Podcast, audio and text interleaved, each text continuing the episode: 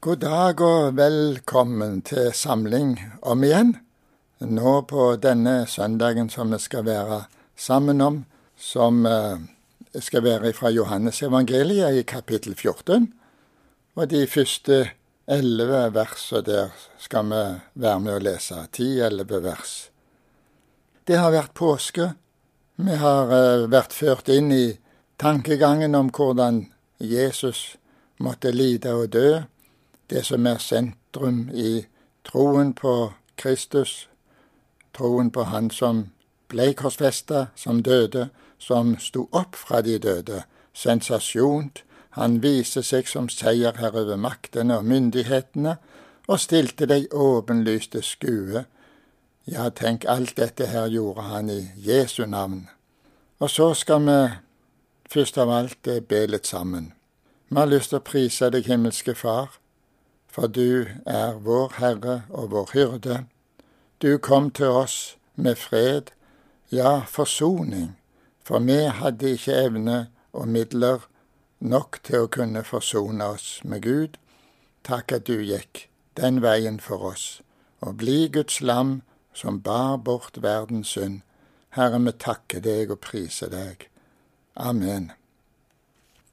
Da vil vi slå opp i Johannes evangeliet i kapittel 14, og vi skal lese altså de ti første versene i dette kapittelet.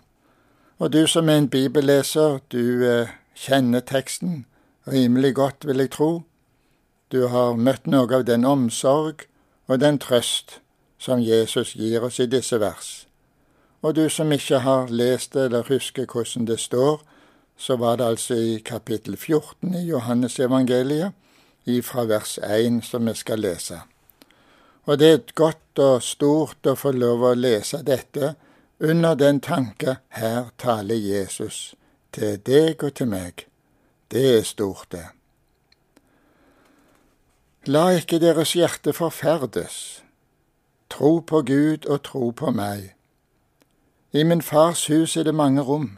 Var det ikke slik, da hadde jeg sagt dere det for jeg går bort for å gjøre i stand et sted for dere. Og når jeg er gått bort og har gjort i stand et sted for dere, kommer jeg igjen, og jeg skal ta dere til meg, for at også dere skal være der jeg er. Dit jeg går, vet dere veien. Thomas sier til ham, Herre, vi vet ikke hvor du går hen, hvordan kan vi da vite veien? Jesus sier til ham, Jeg er veien og sannheten og livet. Ingen kommer til Faderen uten ved meg. Hadde dere kjent meg, så hadde dere også kjent min far. Og fra nå av kjenner dere ham og har sett ham. Philip sier til ham, Herre, vis oss Faderen, og det er nok for oss. Jesus sier til ham, Så lang en tid har jeg vært hos dere, og du kjenner meg ikke, Philip. Den som har sett meg, har sett Faderen. Hvordan kan du da si, Vis oss Faderen? Tror du ikke at jeg er i Faderen, og Faderen i meg? De ordene jeg taler til dere, taler jeg ikke av meg selv, men Faderen som blir i meg, han gjør sine gjerninger. Amen. La ikke deres hjerte forferdes. Det var noe Jesus hadde lyst til å si oss. Han snakket med disiplene om hva som skulle skje, og på denne måten så ville han komme dem i møte og si det lite grann om som var viktig i den sammenheng. Det er avskjed, og det er trøstetale Jesus holder her, i kapitlene 14, 15, 16 og 17 egentlig. Det er en liten og engstelig flokk som her han nå skal skilles ifra. De hadde hatt Jesus imellom seg. Det var han, alt dreide seg om han, og han virkelig skulle lide og dø. Å bli tatt fra dem, det hadde ikke gått opp for deg. Tankene gikk ikke til profeten Jonas, budskapet om en oppstandelse, slik Jonas efter tre dager i fiskens buk ble spydd opp på land igjen, så var det et budskap om Jesus, om Messias. Tre dager i jordens skjød, så skulle han stå opp fra de døde. Når disiplene da hørte om at han skulle bli tatt fra dem, så kom også angsten. Vi kan òg bli engstelige når endetidstegn griper tankene våre, og vi ser utviklingen i verden omkring oss. Det gjelder både i miljøet, i naturen, og det gjelder i folkelivet. Og vi kan gjerne spørre hvor går folket vårt hen? Hvor går vi som nasjon hen? Det kan være til å bli engstelige av iblant. Vi kan spørre hvor vårt folk skal hen for å finne trygghet og trøst. Mange av dagens mennesker kjenner ikke sin bibel, og derfor har de heller ikke trøst av den når de ikke leser den. Da er det ikke holdepunkt i deres nærhet for det som skal møte oss. Teksten vår sier noe som gjelder alle livets situasjoner. Du skal få komme til Jesus og høre dette, la ikke ditt hjerte forferdes. Det betyr at Jesus regner med at vi kan bli forferda. Frykt og angst hører livet til, og vi skal få gå til Jesus med det. Det står så fint i Filippabrevet, i kapittel fire, vers seks og syv. Det roper liksom til oss, vær ikke bekymret for noe, men la i alle ting bønneemnene deres komme fram for Gud, i påkallelse og bønn med takk. Og Guds fred, som overgår all forstand, skal bevare deres hjerter og deres tanker i Kristus Jesus. Herren regner med at du kan bli engstelig. Han kjenner deg, han har prøvd det i vårt sted, bare uten synd. Nå skal ikke vi være naive i forhold til hva det vil koste å ta opp vårt kors og følge Herren. Korsets dårskap, anstøtet med å bekjenne Jesu navn, har sin pris, som vil følge oss gjennom hele livet. Det må vi regne med. Jeg vet ikke helt om en buddhist eller muslim eller en som dyrker en annen religion, har noe tilsvarende som det koster å bekjenne. Til deg og meg som følger Jesus, sier Herren, se, jeg er med dere alle dager inntil verdens ende. Så legger han til dette tro på Gud og tro på meg. Det sies at tilføyelsen på meg har et sterkt trykk som skal understreke at Jesus stiller seg sjøl som den som er ett med Faderen. Vi skal tro på Jesus som vi tror på Gud. Det blir presisert i disse versene her, sånn som det står i vers seks i vår tekst. Jeg er veien og sannheten og livet. Ingen kommer til Faderen uten ved meg. Vi kan altså ikke tro på Gud uten å tro på Jesus. Og omvendt, vi kan ikke tro på Jesus uten også å tro på Gud, på Far. Det er en religiøs holdning som betrakter Jesus kun som et menneske og et uttrykk for hvordan vi skal vurdere han. Løftet i kapittel 14.1 er knytta til dette tro på Gud og tro på meg. Det er ingen gjerning vi skal gjøre så godt vi kan.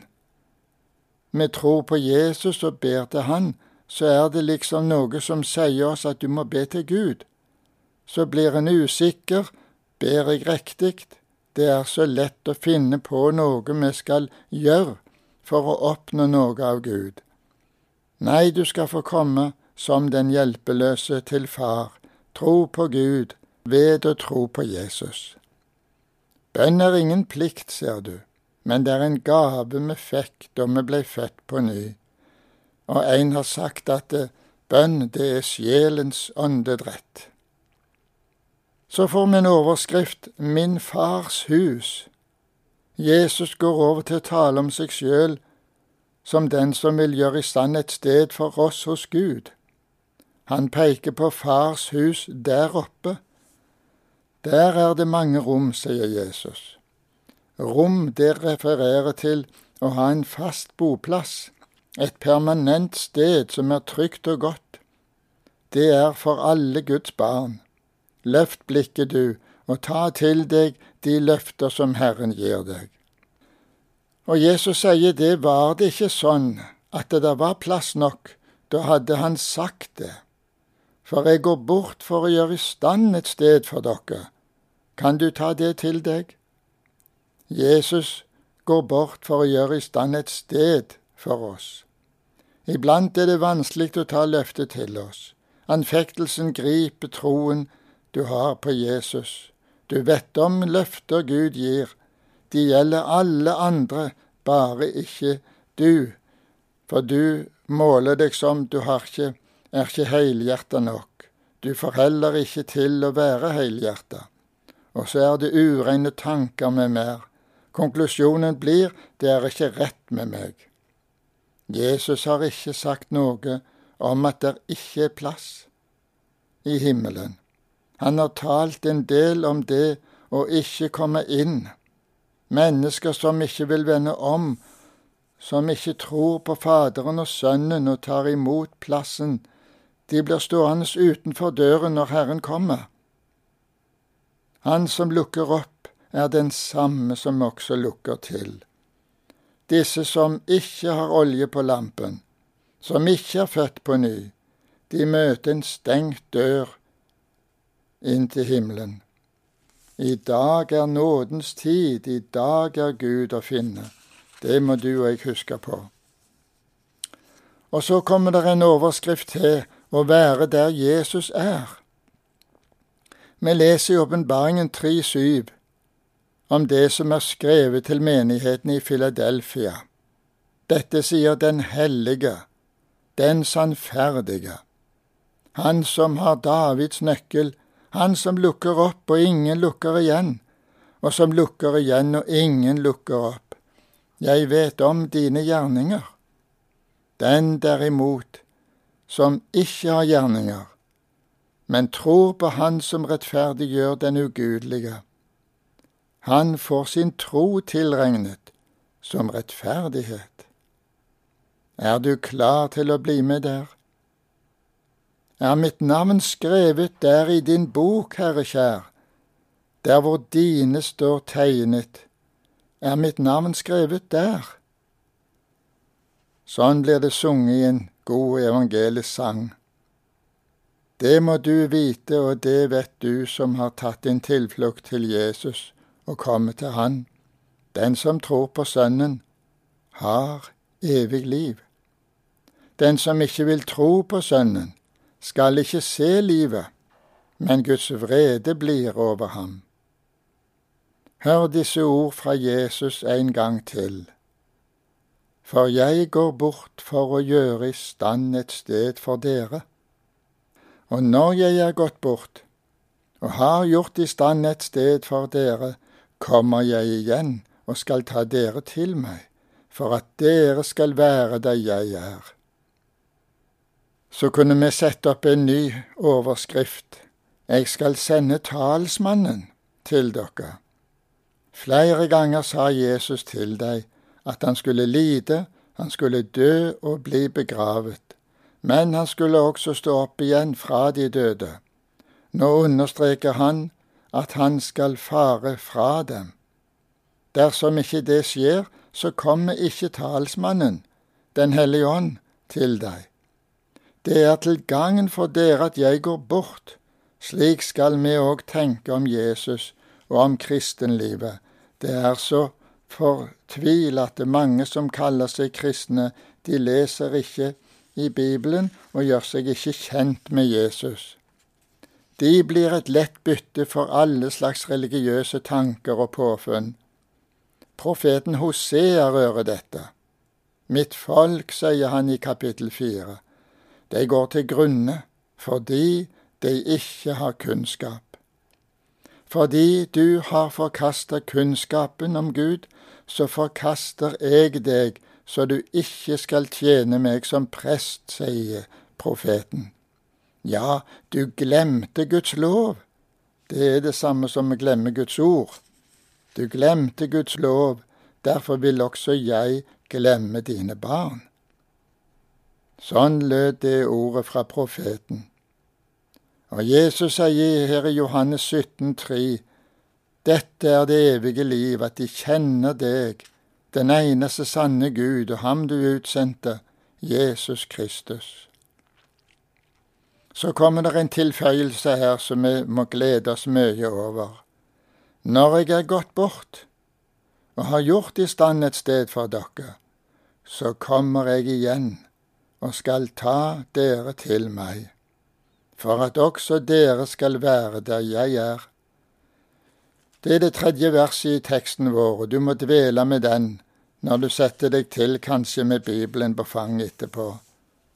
Når jeg er gått bort og har gjort i stand et sted for dere, kommer jeg igjen og skal ta dere til meg, for at også dere skal være der jeg er. Det er frukten av Golgata. Det er resultatet etter døden på korset og oppstandelsen. Jeg kommer igjen, sier Jesus. Det har han talt om flere ganger i Bibelen når han har sagt noe om endetiden. Og her i sin avskjedstale til disiplene på den øvre salen, så tar han det opp igjen. Hvordan skal det bli når Jesus kommer igjen? Som lynet går ut fra øst og skinner like til vest, slik skal menneskesønnens komme være. Det står i Matteus 24, 27. Det blir sett av alle mennesker, men for så altfor mange blir det til skrekk og gru. Da er det for seint å vende om. Da står det kun igjen en gru for dommen. Da Jesus ble løftet opp Kristi himmelfartsdag og disiplene stirra opp i skyene, da sa engelen til deg, Galileiske menn, hvorfor står dere og ser opp mot himmelen? Denne Jesus som er tatt opp fra dere til himmelen, skal komme igjen på samme måte som dere så han fare opp til himmelen. Og så skal vi tenke sånn, vi skal forvente at Jesus kom igjen. Det er noe Gud har gitt oss som i løfte på.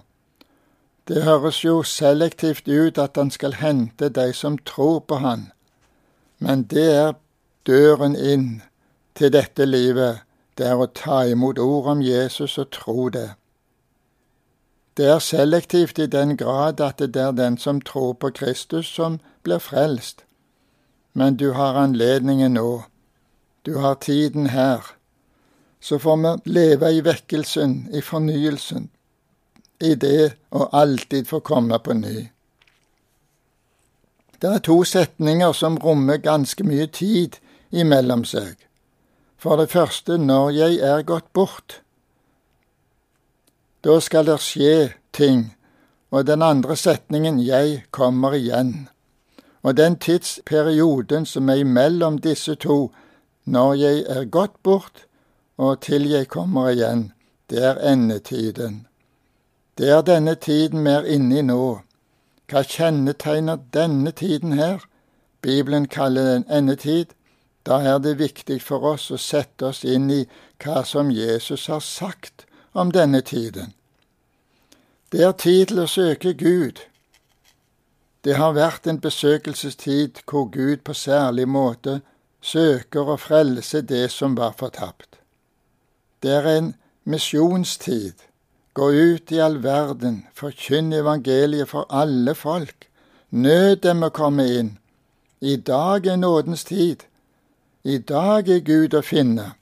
Nå kan alvorlig flid hans milde hjerte vinne. Opp, opp til angers gråt, og etter Jesus jag. Men snart, det er mitt råd, nå heter det i dag. Sånn står det i en god sang i sangboka vår på nummer 175. En liten overskrift til. Det er en frafallstid. Frafall fra Guds ord og forfall i menneskelivet. Normer og regler for samliv og liv og samfunn blir sletta ut. Det går mot et kaos. Alt blir riktig. Du lever med det som er riktig for deg, og jeg med det som er riktig for meg. Denne felles norm, ramme og plattform for liv og samfunn, den blir fjerna stykkevis for stykke.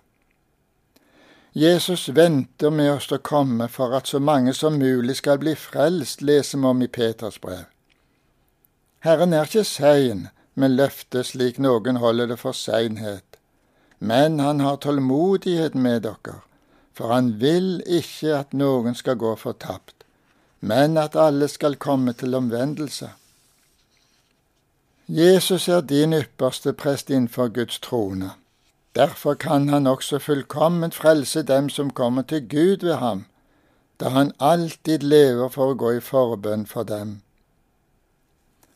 Og da kan vi si det denne tid og periode vi er innen i nå, det er Åndens tidsalder. Går jeg ikke bort, sier Jesus, så kommer ikke Den hellige ånd, talsmannen, til dere. Det er Han som herliggjør Jesus for deg. Det er Han som går i forbønn for deg med usigelige sukk. Uten Den hellige ånd er vi fortapt. Dere fikk barnekårets ånd, som gjør at vi roper Abba, far. Og Ånden selv vitner sammen med vår ånd at vi er Guds barn. Det leser du om i Romerbrevet 8, 15-16.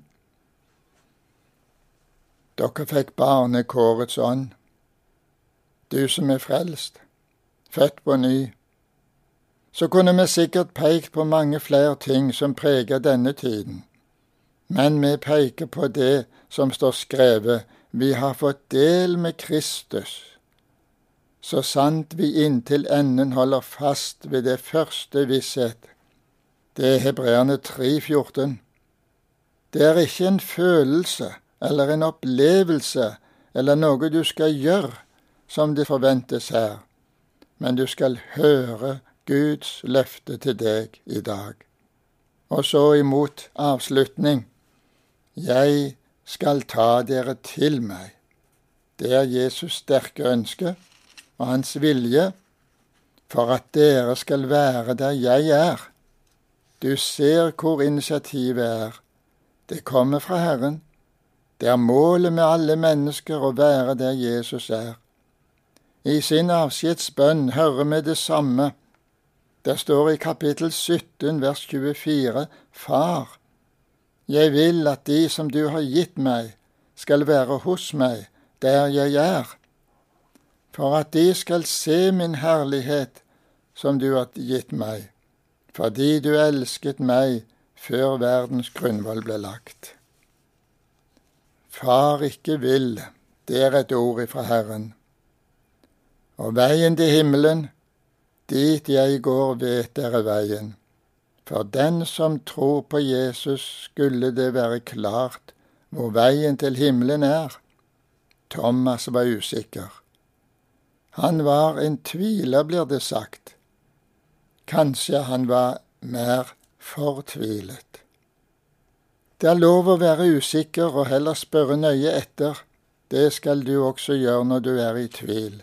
Kanskje noen skulle spurt noe mer angående Guds rike og den veiledning Bibelen gir. Vi kan være ganske sikre i vår sak inntil vi leser nøyere etter hva det virkelig og egentlig står skrevet i Bibelen.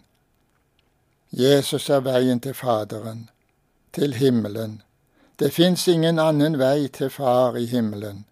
Å si at du tilber og tror på Gud, men ikke så mye på Jesus, så er det samme som å si at du ikke tror på Gud. Du kan ikke si at du har sympati for Gud, men Jesus kan du ikke noe med. Jesus er sjøl veien til Far. Hør bare ifra kapittel 14 vers 6. Ingen kan komme til Faderen uten ved meg.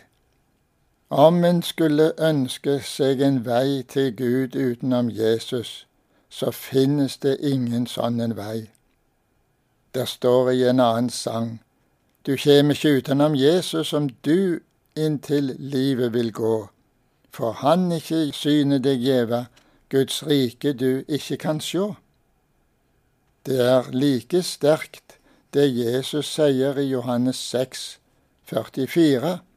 Der står det, Hør, ingen kan komme til meg uten at Faderen som har sendt meg, drar ham. Uten Jesus er veien stengt. Det spørres ikke om gjerninger du har gjort, men det spørres om ditt forhold til Jesus. Derfor går ropet ut til alle om å vende om fra den vei du er på, og komme til Jesus. Det er Philip som undrer seg, og som stiller spørsmål. Jeg og Faderen er rett, sa Jesus. Og så vil Jesus presisere at å kjenne Jesus, det er det samme som å kjenne Far i himmelen. Da er det viktig å si at å kjenne er det samme som å erfare. Da kjenner du Jesus ikke bare etter kunnskap, som du har lest deg til, men gjennom livserfaring. Når troen på Jesus blir det daglige liv gjennom fortrolig samfunn, Gjennom bønner og råd du sukker til ham, da lærer du ordets veiledning for troen og gjerningene. Så lang tid har jeg vært hos dere, sier Jesus, og du kjenner meg ikke, Philip. Det burde Philip visst, siden han hadde fulgt Jesus denne tida. Da hadde han vært til stede når Jesus gjorde tegn og under. Så som i bryllupet i Kana, hvor han gjorde vann til vin. Alle disse undere tegn Johannes evangeliet vitner om når de skriver om Jesus her. De er beregnet for at du og jeg skal lære det, høre det og tro at Jesus er Gud, Jesus og Faderen er ett.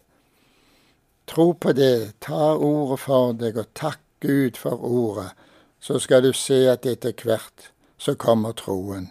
Gud velsigne deg. Amen.